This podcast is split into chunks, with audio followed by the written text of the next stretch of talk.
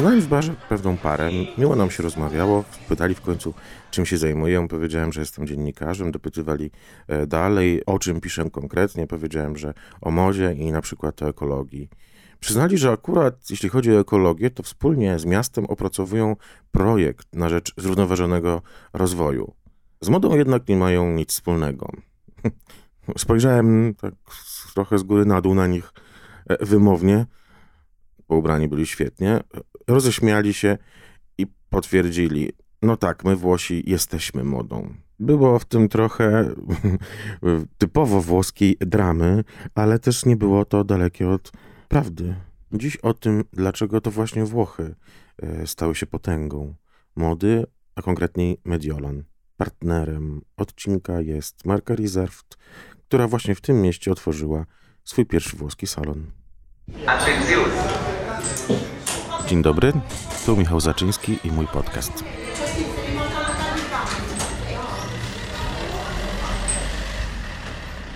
No bo umówmy się, przecież to prawda. Włosi są modą, Włochy są modą. Owszem, jest w tym chęć pokazania się, ale raczej bardziej y, zaprezentowania niż obnoszenia. To wynika z czegoś, co, o czym pewnie słyszeliście, co nazywa się fare bella figura. W wolnym tłumaczeniu właśnie robić wrażenie. To jest pojęcie we włoskiej kulturze mocno zakorzenione. Taki skrót sformułowania czy tego powiedzenia, jak cię widzą, e, e, tak cię piszą, no w tym przypadku tak cię postrzegają mm, i odwrotnie, to jest też pokazanie szacunku drugiej e, osobie czy, czy innym ludziom, okazją. Dlatego Włosi, kiedy wychodzą z domu, bez względu w jakim celu, czy chcą się z kimś spotkać, czy mają jakieś urzędowe rzeczy do załatwienia, po prostu się stroją. Już nie wspomnę o kolacjach, nie wspomnę o rodzinnych świętach czy wydarzeniach. Ja mam ten przywilej, właśnie, no mogę powiedzieć tak śmiało, ten przywilej, że mieszkając y, co czwarty rok już e, we Włoszech, no trochę się, trochę się tej włoskiej mody, tego włoskiego stylu no, oglądałem, ale byłem bardzo ciekaw, mm, jak on jest postrzegany y, w Polsce. Co na tych blogach piszecie? No na przykład, że Włosi chcą być jak najlepiej ubrani, ale to może być nawet po prostu t-shirt czy jeansy, tylko że muszą być nienagannej jakości, a spodnie dobrze dopasowane. To akurat e, prawda. Zwracaliście uwagę, że Włosi lubią ubrania, które, czy też Włoszki, które może bardziej poruszają się razem e, z ciałem, czyli na przykład jedwabna sukienka na ramionczkach. Przypominam sobie mężczyzn w fajnych koszulach e, wiskozowych, czy w ogóle z tych lejących materiałów, którzy tak suną przez deptaki miasta w przeciwsłonecznych okularach i mokasynach i prezentują się obezwładniająco. Ktoś też wspomniał, z czym się absolutnie zgadzam, że Włosi nie dzielą garderoby na domową i wizytową. To jest wszystko jedna kategoria do noszenia od zaraz. Poza tym Włosi, Włoszki w szczególności, uwielbiają coś, co w języku angielskim nazywa się fashion statement. Czyli taka moda, która jednocześnie jakby z jakimś e, stanowiskiem, jakimś takim komunikatem trochę e, prze, przekraczającym sam ubiór, tym, co sprawia, że, że chętnie się na takie osoby patrzy i wysnuwa więcej wniosków niż pozwalałyby tylko ubrania. Te wnioski to jest to właśnie przywiązanie do, do takiej elegancji i do taka też dyscyplina z tym związana nie kojarzę w ogóle osób z mojego otoczenia tutaj we Włoszech, które by sobie odpuszczały, które by nie przywiązywały wagi do tego, jak wyglądają, do tego, jak się ubierają. To chodzi o te starania się, o to, żeby e, każdy wyglądał tak dobrze, jak tylko może, albo tak, jak mu się najbardziej podoba. Nawet to widać e, w tej kolekcji, którą Reserved Partner E, tego odcinka przyszykował specjalnie na otwarcie salonu w Mediolanie. Kolekcja nazywa się, no jak żeby inaczej, Ciao Milano. Ja jej wróżę powodzenie, dlatego że ona się w znacznym stopniu pokrywa z moimi obserwacjami, ale też z moimi e, badaniami e, terenowymi. Czyli mamy tutaj monochromatyczną paletę kolorystyczną, ponieważ jednak we Włoszech wbrew może takiej obiegowej opinii, nie szasta się kolorem, nie, to tu nie ma jakichś kalejdoskopów e, rozmaitych barw i odcieni, raczej, raczej e, kolory są mocno ograniczone, z bardzo silnym akcentem, może wręcz przewagą czerni. Fasony z kolei nawiązują do tego, co Włosi uwielbiają kupować, czyli płaszcze, najchętniej z wełny albo z innych materiałów naturalnych. Płaszcz musi robić wrażenie. To ja myślę akurat, że mamy dosyć wspólną, e, wspólną cechę. My Polacy, e, czy może bardziej Polki e, z Włoszkami, płaszcz to jest wyrażenie jednak, jakieś, to jest takie mocne podkreślenie e, indywidualności i w ogóle zaznaczenie własnej osoby. Dalej będą to kurtki skórzane, będzie to też lekki kożuch, no, lekki, no bo wiadomo, na włoską pogodę. Będą garnitury, ponieważ krawiectwo ciężkie i w ogóle takie to, to krawiectwo per se we Włoszech jest szalenie poważane, w końcu to jest kraj rzemiosła. I nie widzę rozróżnienia na rzemieślników i artystów. Szanowane są obydwie te profesje, jeśli można tak nazwać, w tym samym stopniu i cieszą się e, takim samym szacunkiem. Co ciekawe, w kolekcji przygotowanej dla, dla Mediolanu znajdują się też odniesienia do polskiej kultury w sumie dobry pomysł, zważywszy na to, jak moda jest e, globalna. Dobrze jest się e, czymś wyróżniać, zwłaszcza gdy debiutuje się na rynku tak trudnym, tak wymagającym i gdy, przepraszam, trochę się wiezie drewno do lasu. No więc może nie, to będzie jednak inne drewno, bo, bo, bo tu pojawią się wzory kaszubskie i będą na przykład kwiaty z, z Zalipia, wiecie, z, te, z tej słynnej miejscowości, gdzie, której mieszkańcy, mieszkanki może bardziej, umajają e, swoje domy e, obłędnymi, floralnymi wzorami, czyniąc z Zalipia, bodaj, przynajmniej tak twierdzą media, najpiękniejszą wieś w Polsce. Swoją drogą fajnie by było, gdyby tacy Włosi przekonaliby się o, o, tych, e, o tej proweniencji owych wzorów właśnie, gdyby zawitali w tych ubraniach z, z motywami kaszubskimi właśnie na Kaszuby. Nie, żeby to się w ogóle nie zdarzało, no nie dalej niż dwa miesiące e, temu e, bawiłem nad Polskim Morzem i napotkałem w restauracji Marteczka parę Włochów, oboje piękni jak bogowie. Co tam robili? Próbowali śledzia. No i rzeczywiście trochę kłują te szpileczki e, żalu, że cokolwiek się zrobi, no to nie, nie doścignie się Włochów, którzy, którzy we Włoszech wychowali się mieszkali tam y, przez całe życie. W zamian no jakiś taki miły bonus, ponieważ potrafią być bardzo mili, jeśli y, im się spodobacie, jeśli spodoba im się wasz styl czy ubiór. Y, powiedzą o tym, a nawet to wykrzykną, co w tym roku zdarzyło mi się chociażby w Mediolanie. Miałem na sobie czarny płaszcz i pomarańczową koszulę pod spodem. Do tego proste buty, duże okulary, Wysiadająca z samochodu dziewczyna krzyknęła do mnie: Hej, świetnie wyglądasz, co to za okulary? W ogóle, jaki masz styl? Partner y, też pokiwał głową y, z aprobatą. No, taki zadowolony, wrzuciłem zdjęcie na Instagram. Dostałem komentarz. Naprawdę uważa pan, że dobrze wygląda? No taką czytelniczkę miała potrzebę, no tak od, od serducha tak skomentowała. Ludzie. No dobrze, a w ogóle dlaczego Włochy? Dlaczego akurat tam? Jak do tego wszystkiego doszło? Dlaczego Włosi tak zdominowali świat i tak zawładnęli na, naszą wyobraźnią i w ogóle umysłami tego? Powiedziałbym, że przewrotnie, że bardzo pomogli im w tym Amerykanie. Trzeba byłoby się cofnąć do drugiej połowy lat 40. Mamy koniec wojny i pomoc, jaką e, Ameryka przynosi krajom Zachodu, Plan Marszala zakładał odbudowę Europy. Dzięki niemu uzdrowiono przemysł oraz sektor finansowy e, wielu krajów, e, w tym naturalnie e, Włoch. Dzięki nim odżył właśnie cały sektor odzieżowy. Jeszcze w latach 30. owszem powstała, to się nazywało Ente Nazionale della Moda Italiana, była taka rada włoskiej mody, które miały promować na świecie, no ale jakoś nie wyszło. Raz, że wojna, dwa, że, dwa, że Francja tak znowu się nie dała i Paryż e, nadal odmieniano przez wszystkie przypadki. Mm, do gry wróciła Chanel, wiadomo, Dior pokazał New Look i świat zwariował, no i Włochy jeszcze musiały e, trochę poczekać, zwłaszcza, że nadal były bardziej zapleczem produkcyjnym niż ośrodkiem kreacji, gdy dofinansowane z planu Marszala e, przedsiębiorstwa okrzepły, stanęły na nogi, w świecie włoskiej mody nieoczekiwanie pojawiła się dość istotna figura, mianowicie mężczyzna o nazwisku Giovanni Battista Giorgini. On postanowił zorganizować pierwszy pokaz mody, takiej luksusowej mody we Włoszech, a dokładnie we Florencji. Gentleman był e, pochodzenia arystokratycznego, e, to też problemów nie przysparzało mu e, wybranie tudzież wynajęcie tak zwanej lokacji.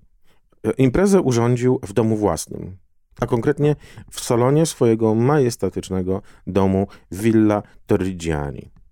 Rok był 1951, a celem było, no i znowu, Ameryka. Przyciągnięcie uwagi amerykańskich kupców podróżujących z Paryża odwiedzających modną szalenie e, Toskanię i Florencję e, zwłaszcza. No więc przyjechali owi Amerykanie zamożni w 1951 roku na ową paradę mody, bo tak jeszcze e, się nazywało pokazy. Udało się, nawiązano kontakty, podpisano kontrakty. W następnym roku wydarzenie przeniosło się do sali Bianca w Palazzo Pitti, do ogromnego salonu, jak podkreślały e, media amerykańskie, ozdobionego sztukateriami i freskami. Był wśród nich e, Emilio Pucci e, i były siostry Fontana, znane później z pracy przy filmach Federico Felliniego. Albo coś jeszcze. No, nie tylko te freski, nie tylko renoma Florencji i w ogóle mit Włoch sprawiał, że impreza okazała się sukcesem. Otóż te projekty tych kreatorów były około 30% tańsze niż ich paryskie odpowiedniki. I to właśnie e, było jednym z głównych powodów, że przyciągały kupujących i szybko znalazły e, swoje przestrzenie, swoje miejsce w domach towarowych w całych Stanach Zjednoczonych. To można byłoby powiedzieć, był, był taki pierwszy moment, kiedy, kiedy e, moda włoska zawładnęła globem, włada nim do dziś, jak już e, się rzekła, nawet też i, i dalej, no bo w sumie kosmosem, zważywszy na to, że e, Prada, jak właśnie podano, zaprojektuje skafandry dla astronautów biorących udział w misji e, NASA Artemis III w 2025 roku. Powiedziałbym też o, jeszcze o tym rzemiośle. Umówmy się, Włosi potrafią wszystko. Rzemiosło jest tutaj mocno e, zniuansowane, podobnie jak krawiectwo jest mocno zniuansowane. Inaczej się będzie szyło marynarkę w Neapolu, a inaczej będzie się e, szyło w Mediolanie. I mimo, że e, lata mijają, dekady mijają, a moda się globalizuje, etykieta Made in Italy nadal jest rozpoznawana i uwielbiana na całym świecie. Projektant Fausto Polizzi mówił w wywiadzie dla BBC, tak, no bo przecież wszystkie media świata z szacownym BBC e, włącznie cyklicznie piszą o fenomenie e, włoskiej e, mody. On powiedział, że włoskie rzemiosło jest zupełnie niezrównane, słusznie, że we Włoszech jest to coś niezwykle powiązanego ze społeczeństwem że ludzie nie robią tego tylko dla pieniędzy, tego, czyli, czyli właśnie tego rzemiosła, tych butów, torebek, pasków, koszu, kołnierzy, guzików, od szczegółu do ogółu i odwrotnie. Robią to, bo to kochają. Tyle e, powiedział e, Polizji. Ja jeszcze rozmawiałem z projektantką e, butów Dominiką Nowak, która także mieszka w, pomieszkuje może bardziej we Włoszech, często tutaj we Włoszech pracuje. Ona mi powiedziała właśnie, że w jej dziedzinie Włochy to centrum jest wszechświata, że oni mają wiedzę, tradycję, e, talent, całe to know-how i te wszystkie duże domy, nawet takie jak Dior czy Louis Vuitton w końcu francuskie, zamawiają, projektują czy produkują właśnie we Włoszech. Nawet jeśli część buta powstaje na przykład w Azji, mm, to finalnie i tak trafiają do Włochów. E, to Włosi odpowiadają za uformowanie kopyta czy modelowanie obcasa. No ale tu we Włoszech każdy z zakładów, warsztatów czy manufaktur potrafi wręcz specjalizować się w jednym elemencie buta. Stąd znajdziemy tam i kopyciarnię, i, Boże, obcasiarnię, i na przykład podeszwiarnię. No to mówi wszystko. Wydawało się, że na, na zdrowy rozum, że to Florencja będzie stolicą włoskiej mody, choć tak się nie stało. A dlaczego na zdrowy rozum? No bo przecież była kolebką renesansu. To był e, czas rozkwitu e, sztuki, a przy okazji i, i wspaniałych barw, i kobiety nosiły wyszukane ubrania, biżuterię i makijaż, rozmaite e, akcesoria. Mężczyźni także w misternie haftowanych strojach sygnalizowali swoją pozycję i autorytet. Możecie to zobaczyć na portretach elity florenckiej, chociażby u Leonarda da Vinci. a Florencja była kolebką renesansu. To właśnie we Florencji dla elitarnych rodzin tamtego okresu, w tym zwłaszcza dla, oczywiście dla medyceuszy, nie tylko jednej z najbardziej wpływowych rodzin we Włoszech, ale i w całej Europie, wygląd były tak ściśle powiązane z tożsamością i było tak istotne.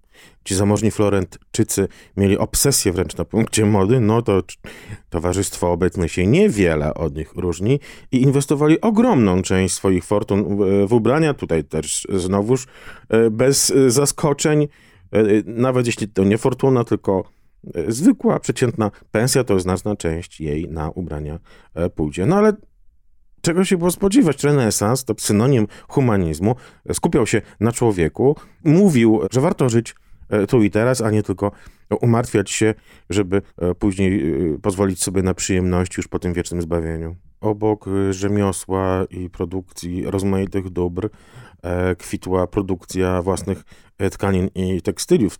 Jak opętane tkały się, tudzież działy kilometry wełen, jedwabiów, aksamitów, bawełen. To wszystko przetrwało aż do połowy XX wieku, czyli właśnie wtedy, gdy, gdy wspomniany e, arystokrata z, z Florencji zaczął kręcić e, z Amerykanami. E, potem jednak cały biznes mody stał się coraz bardziej konkurencyjny. To Mediolan zaczął wyrabiać sobie prawdziwą markę. I bylibyśmy przeszli wprost do Mediolanu, gdyby nie to, że natychmiast, zanim jeszcze ogłosił triumf, wyrósł mu konkurent, czyli Rzym. A to za sprawą, to już nie niespodzianka, znów Amerykanów, a konkretnie wpływu przemysłu filmowego e, i samego Hollywood.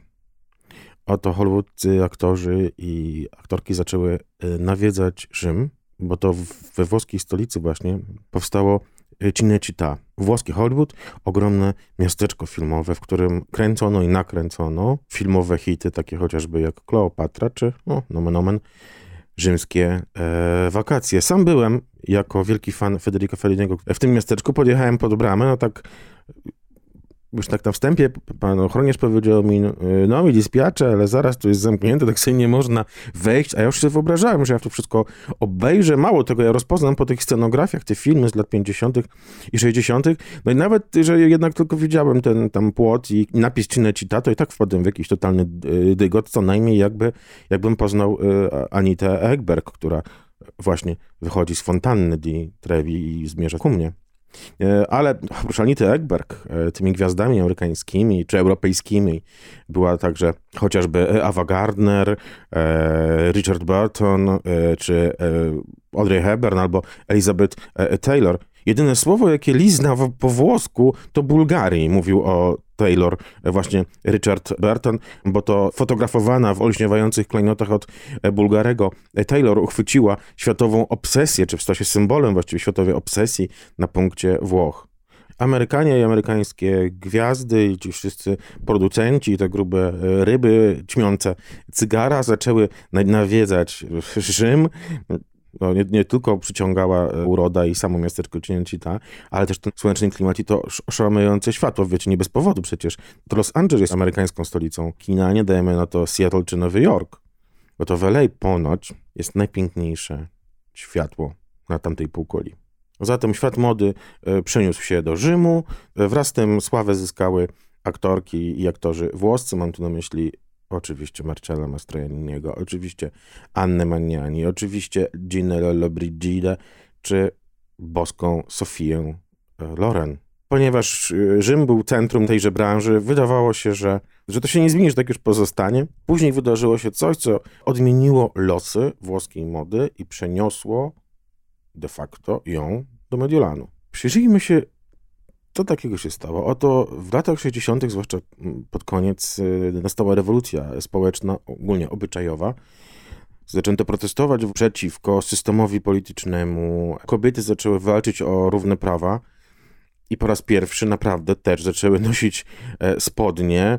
Mm, wy, wykorzystało to kilka e, marek i projektantów, między innymi Elio Fiorucci, który ulokował swój właśnie sklep na jednym z głównych e, placów Mediolanu, który stał się także centrum mediolańskiego stylu, który zaczął wyznaczać trendy, bo Mediolan po prostu był bardziej progresywny od Rzymu w swoim podejściu do mody. Mediolan był też zawsze miastem nieporównywalnie bardziej uprzemysłowionym. No i pojawiły się te linie montażowe. Wtedy biznesmeni modowi zaczęli produkować modę już bardziej y, masowo, bo do tej pory przecież nadal głównymi y, jej twórcami byli krawca, rzeczy powstawały w sztukach raczej pojedynczych. Duży przemysł tekstylny zaczął zatrudniać utalentowanych projektantów. Już projektanci nie musieli terminować u innych latami, nie musieli też ciułać grosz do grosza, żeby powstała kokosza, żeby, żeby otwierać e, swoje atelier, a mieli za sobą właścicieli marek, którzy pozwalali nadawać tymże projektantom swój sznyt. Miasto to oferowało e, wszelkie wygody i ugodnienia dla rozwoju biznesu. Tam były międzynarodowe e, lotniska, były sale konferencyjne, były, były poważne hotele, miejsca do wynajęcia na, na konferencje prasowe. Przede wszystkim jednak byliśmy świadkami w Mediolanie włoskiego cudu gospodarczego. To nie był naturalnie tylko Mediolan, to także był Turyn, to była także cała uprzemysłowiona północ, która nagle stała się jedną, jednym wielkim hubem produkcyjnym dla całego świata. Ale jaki to był hub, jakaż to była produkcja? Nagle się okazało, że wspaniałe są włoskie e, meble i, i design że cudowne są włoskie auta i motorynki, włoska kawa, że włoskie AGD. Produkowano wszystko, produkowano pięknie. Było też coś bardzo uniwersalnego w tym, w tym samym e, designie tych wszystkich produktów. Cóż takiego znowuż ekscytującego jest w lodówce czy w pralce, ale jednak jeśli została ona zaprojektowana przez Włochów, to już można było na taką pralkę patrzeć godzinami, niemalże wgapiać się jak w dzieło sztuki, bo było to często dzieło sztuki e, użytkowej. Zresztą na wystawie, pięknej wystawie w Triennale będzie danie rzeczy, którymi jesteśmy, bo tak jak pamiętacie, wspominałem wypowiedź tego projektanta dla BBC. Włosi to robią nie dlatego, że to jest taka ich praca, ale, ale także dlatego po prostu, że to kochają, że to są, że to są oni. Więc na tej wystawie można było właściwie zobaczyć każdy jeden przedmiot z, z tych codziennego użytku, ale także i tych codziennego menu. No, nawet do działu designu trafiły kształty makaronu. A wszystko to w świetle e, fleszy i przy totalnym rozgłosie medialnym. Sam Mediolan stał się siedzibą kilku najważniejszych włoskich periodyków, także tych modowych. To tutaj pracował redakcje Gracji, Amiki, Cosmopolitana czy Voga. To dziś Mediolan jest e, centrum prasowym kraju, tym lifestyle'owym. Gazet wydaje się tu liczbę wprost nieprzytomną. Jeśli pójdziecie sobie do Feltrinellego albo do którejś z dużych księgarni w centrum Mediolanu, to, to zobaczycie, jaka powierzchnia jest wynajęta na magazyny, ile ich jest. Zapłaczecie, że macie tylko 20, 30, czy to nie ma znaczenia, czy 130 kg bagażu, który możecie przywieźć do Polski, ale nie udźwigniecie, bo te magazyny naprawdę to są poważne cegły. Wydaje się właściwie wszystko. I to są rzeczy wyjątkowo wyrafinowane. Media są szalenie istotne, takie jak L czy Vanity Fair, no taki bardziej powiedziałbym społeczny, ale też ze znakomicie rozbudowaną działką modową, no, które są na świecie miesięcznikami, tutaj są tygodnikami, no bo przecież Włosi potrzebują być absolutnie na bieżąco i, i obsesyjnie e, śledzą modę i, i, czytają i oglądają i to w ogóle też przeszło na nowe formy przekazu, na nowe media, czyli na social media. E, okazuje się, bo badania takie robi Parlament Europejski, że najwięcej w Europie czasu w social mediach spędzają Włosi. To we Włoszech jest najwięcej influencerów. Ponad 2,2% społeczeństwa włoskiego to są influencerzy. Najwięcej na kontynencie. Bardzo to prawdopodobne, zważywszy na to, jak lubią się e, chwalić, ale w takim dobrym tylko słowa e, znaczeniu Włosi swoim wyglądem i swoimi różnymi nabytkami, bo tutaj y, co drugi projektant ma status równy, równy Bogom, albo przynajmniej największym gwiazdom piłkarskim czy filmowym. Podobnie jest też z owymi influencerkami. Dziwnego, że Reserve współpracuje między innymi z Dilettą Bonaiuti czy z Sarą Rossetto, to są topowe e, włoskie influencerki, które naprawdę liczą się w tej branży i wyznaczają gust, ale zobaczcie sobie, to jest, to jest bardzo ciekawy gust. Uwodzący i przede wszystkim niewymuszony, naturalny. To widać, że to jest autentyczne. Florencja, bo bylibyśmy już o niej zapomnieni, e, ona akurat o tej modzie nie zapomniała. Walczyła e, długo nie, nie pozwalała, żeby to Mediolan odebrał jej palmę pierwszeństwa, zważywszy też na to, jakie moda przynosi profit, nie tylko finansowy, ale przecież i, i wizerunkowe. Jacy wspaniali, kreatywni ludzie potem e, decydują o charakterze miasta. Niestety, niestety zdarzył się wypadek. Oto w 1967 roku, kiedy jeszcze mogła się Toskania i Florencja łudzić, że ta moda zostanie u niej, małżeństwo Missonic w ostatniej chwili zauważyło, że pod strojami modelek, które już lada moment, już za, sekund, za sekundę wychodzą na wybieg, prześwituje bielizna.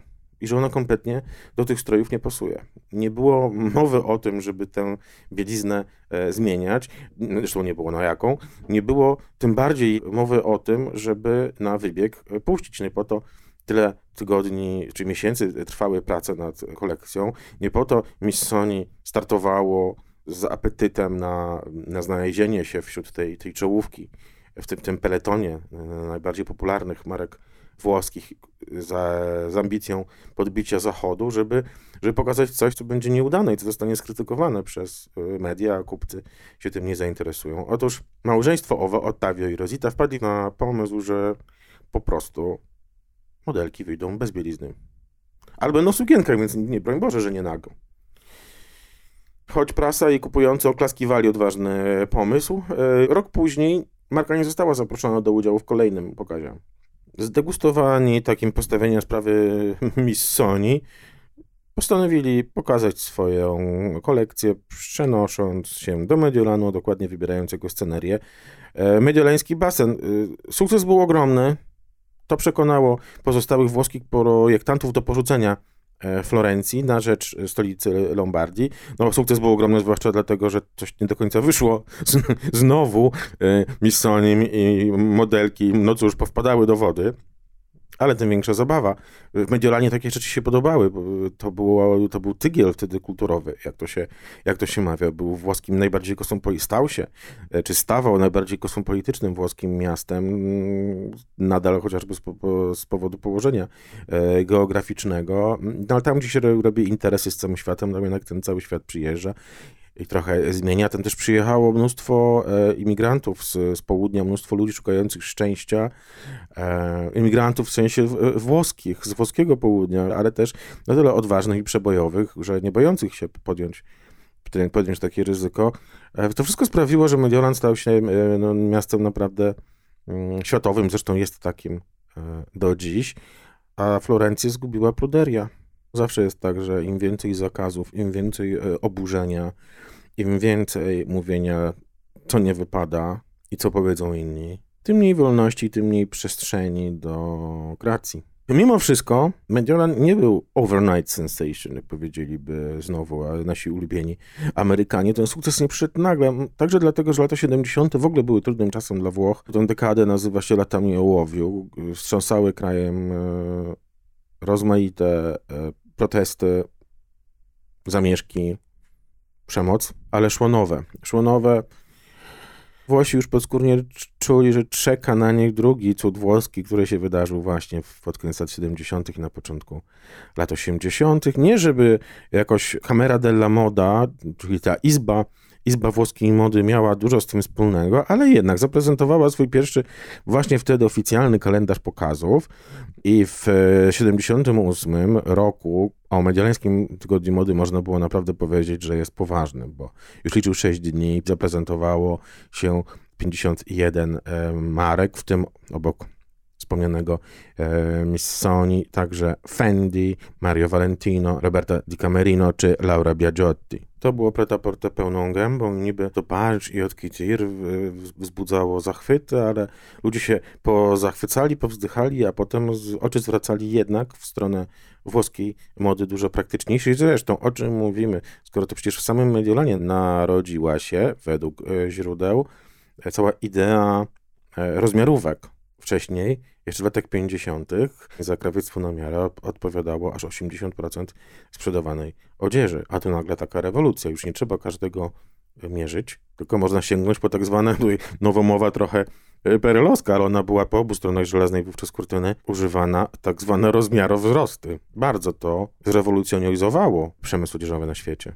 Mediolanie były pieniądze, w Mediolanie były narzędzia, żeby promować włoskie marki, eksponować je w światowym przemyśle odzieżowym, już nie tylko tkaniny, już nie tylko torebki, już nie tylko rzemiosło, ale także e, projektantów, którzy naprawdę mogliby tym światem zawładnąć i zawładnęli.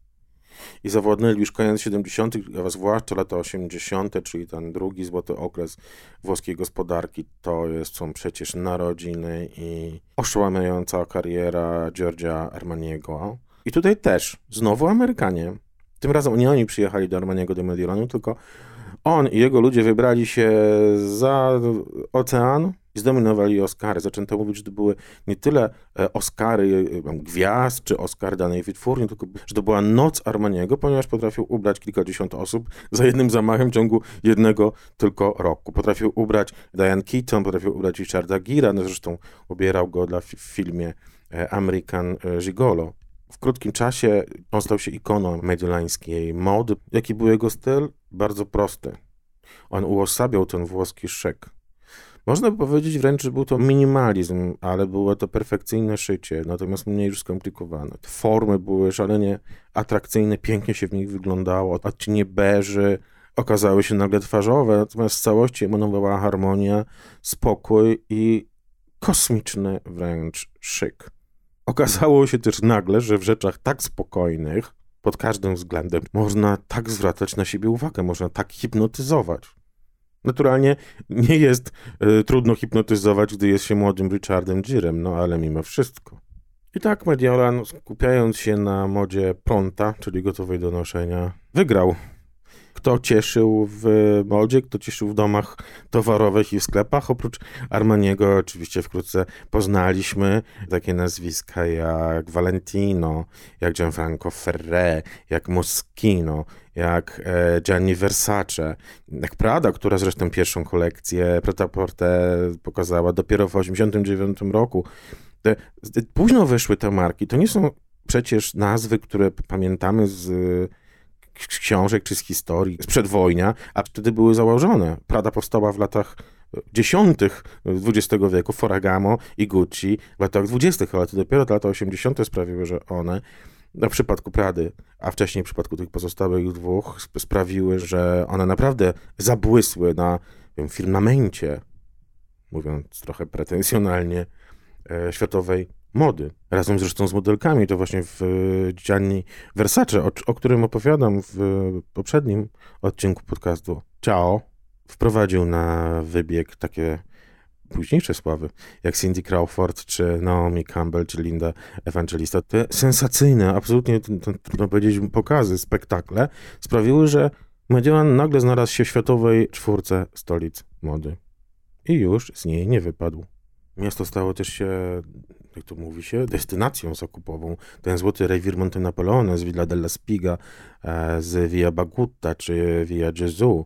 Cały ten e, obszar, nie tylko zresztą modowo, ale architektonicznie czy kulturowo istotny ze względu na tę architekturę, Palazzo Morando czy Palazzo Borromeo d'Adda, mm, stał się epicentrum tej takiej mody wystawnej, luksusowej, chociaż wcale nie daleko też miejscom rozsypanym de facto po całym Mediolanie. Mówię o tych wszystkich, a wkrótce będę mówił, czy raczej pisał znacznie więcej o tych wszystkich koncept storach, o tych bardzo progresywnych butikach, o tych showroomach, które naprawdę mają swoją nie do przecenienia rolę w lansowaniu nowych marek, tych, tych marek, które od 20-30 lat obserwujemy w branży. Wizyta w Monte Napoleone nikomu nie zaszkodzi, nawet jeśli nie mam zamiaru niczego kupić, albo może i byśmy mieli zamiar, prawda, ale są inne, jakby bardziej takie rozsądkowe powody, czy mocno przyziemne. Zawsze przyjemnie jest pooglądać te piękne wystawy, obejrzeć ludzi, jak są ubrani. Zwłaszcza, że cały ten rejon jest położony między La Scalą, a katedrą. Do tego spektakularna galeria Vittorio Emanuele z sklepami pod szklanym dachem i sam deptak Corso Vittorio Emanuele, przy którym salon właściwie z widokiem na tęże e, katedrę nad, nad Duomo ma partner odcinka Reserve. Jak ten, że sklep wygląda? Ma przyjazne wnętrze, odpowiada za nią studio jeden e, do jednego. Nawiązuje to wnętrze do polskiego wzornictwa, co wydaje mi się pomysłem trafionym, stąd elementy z wikliny, stąd rodzima roślinność. E, sama koncepcja jednak to także przede wszystkim nowe technologie związane zarówno z klimatyzacją, jak i z wentylacją. To są lżejsze meble, w ogóle więcej przestrzeni, bo od tego dziś wymaga klient. Taka przestrzeń musi być jaśniejsza i lepiej do, doświetlona i takie są teraz trendy. Nie lubimy być przytłoczeni zbyt dużą liczbą modeli w sklepie, po którym powinniśmy się wygodnie e, poruszać, nie zawadzając o nic. Te trendy, one sprawiają, że się tak krąży wokół jednego manekinu ubranego w, sukienkę czy tam w, w garnitur i chodzi wokół, mm, e, wokół niego, nie niczym wokół e, artystycznej instalacji czy rzeźby. Planowane jest także otwarcie innego sklepu Reserved przy innym deptaku handlowym, który się nazywa Corso Buenos Aires. E, póki co w tym jednym Mediolańczycy mogą odbierać zakupy także online, bo w nim ulokowano magazyn. Sam Mediolan warty jest odwiedzenia nie tylko dla mody, nie tylko dla bucików czy showroomów.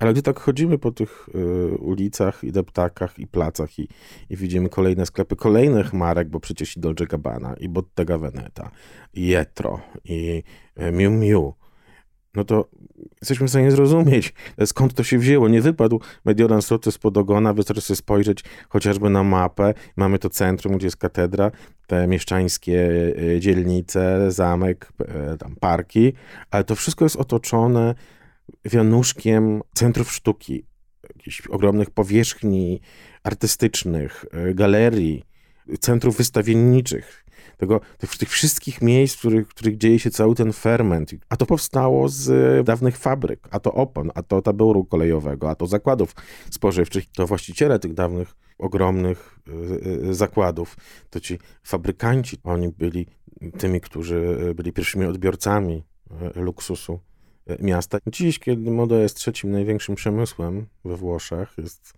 Mediolan chyba jeszcze bardziej istotny e, niż kiedykolwiek. Jedźcie i zróbcie dobre wrażenie. Dobre wrażenie to podstawa włoskiego wizerunku. Partnerem odcinka była marka Reserved, która otworzyła właśnie swój pierwszy włoski salon Mediolanie. Bardzo dziękuję za wysłuchanie podcastu. Zapraszam do kolejnych. Zapraszam też na mój blog michałzaczyński.com niezmiennie od 2012 roku, a także na Facebook, na fanpage Michał Zaczyński Blog, w którym komentuję bieżące wydarzenia oraz na Instagram, gdzie obejrzycie sobie ładne zdjęcia i ładne stories. Dziękuję. Attenzione, allontanarsi dalla linea gialla. Il già ragioni! I gigi di no? Per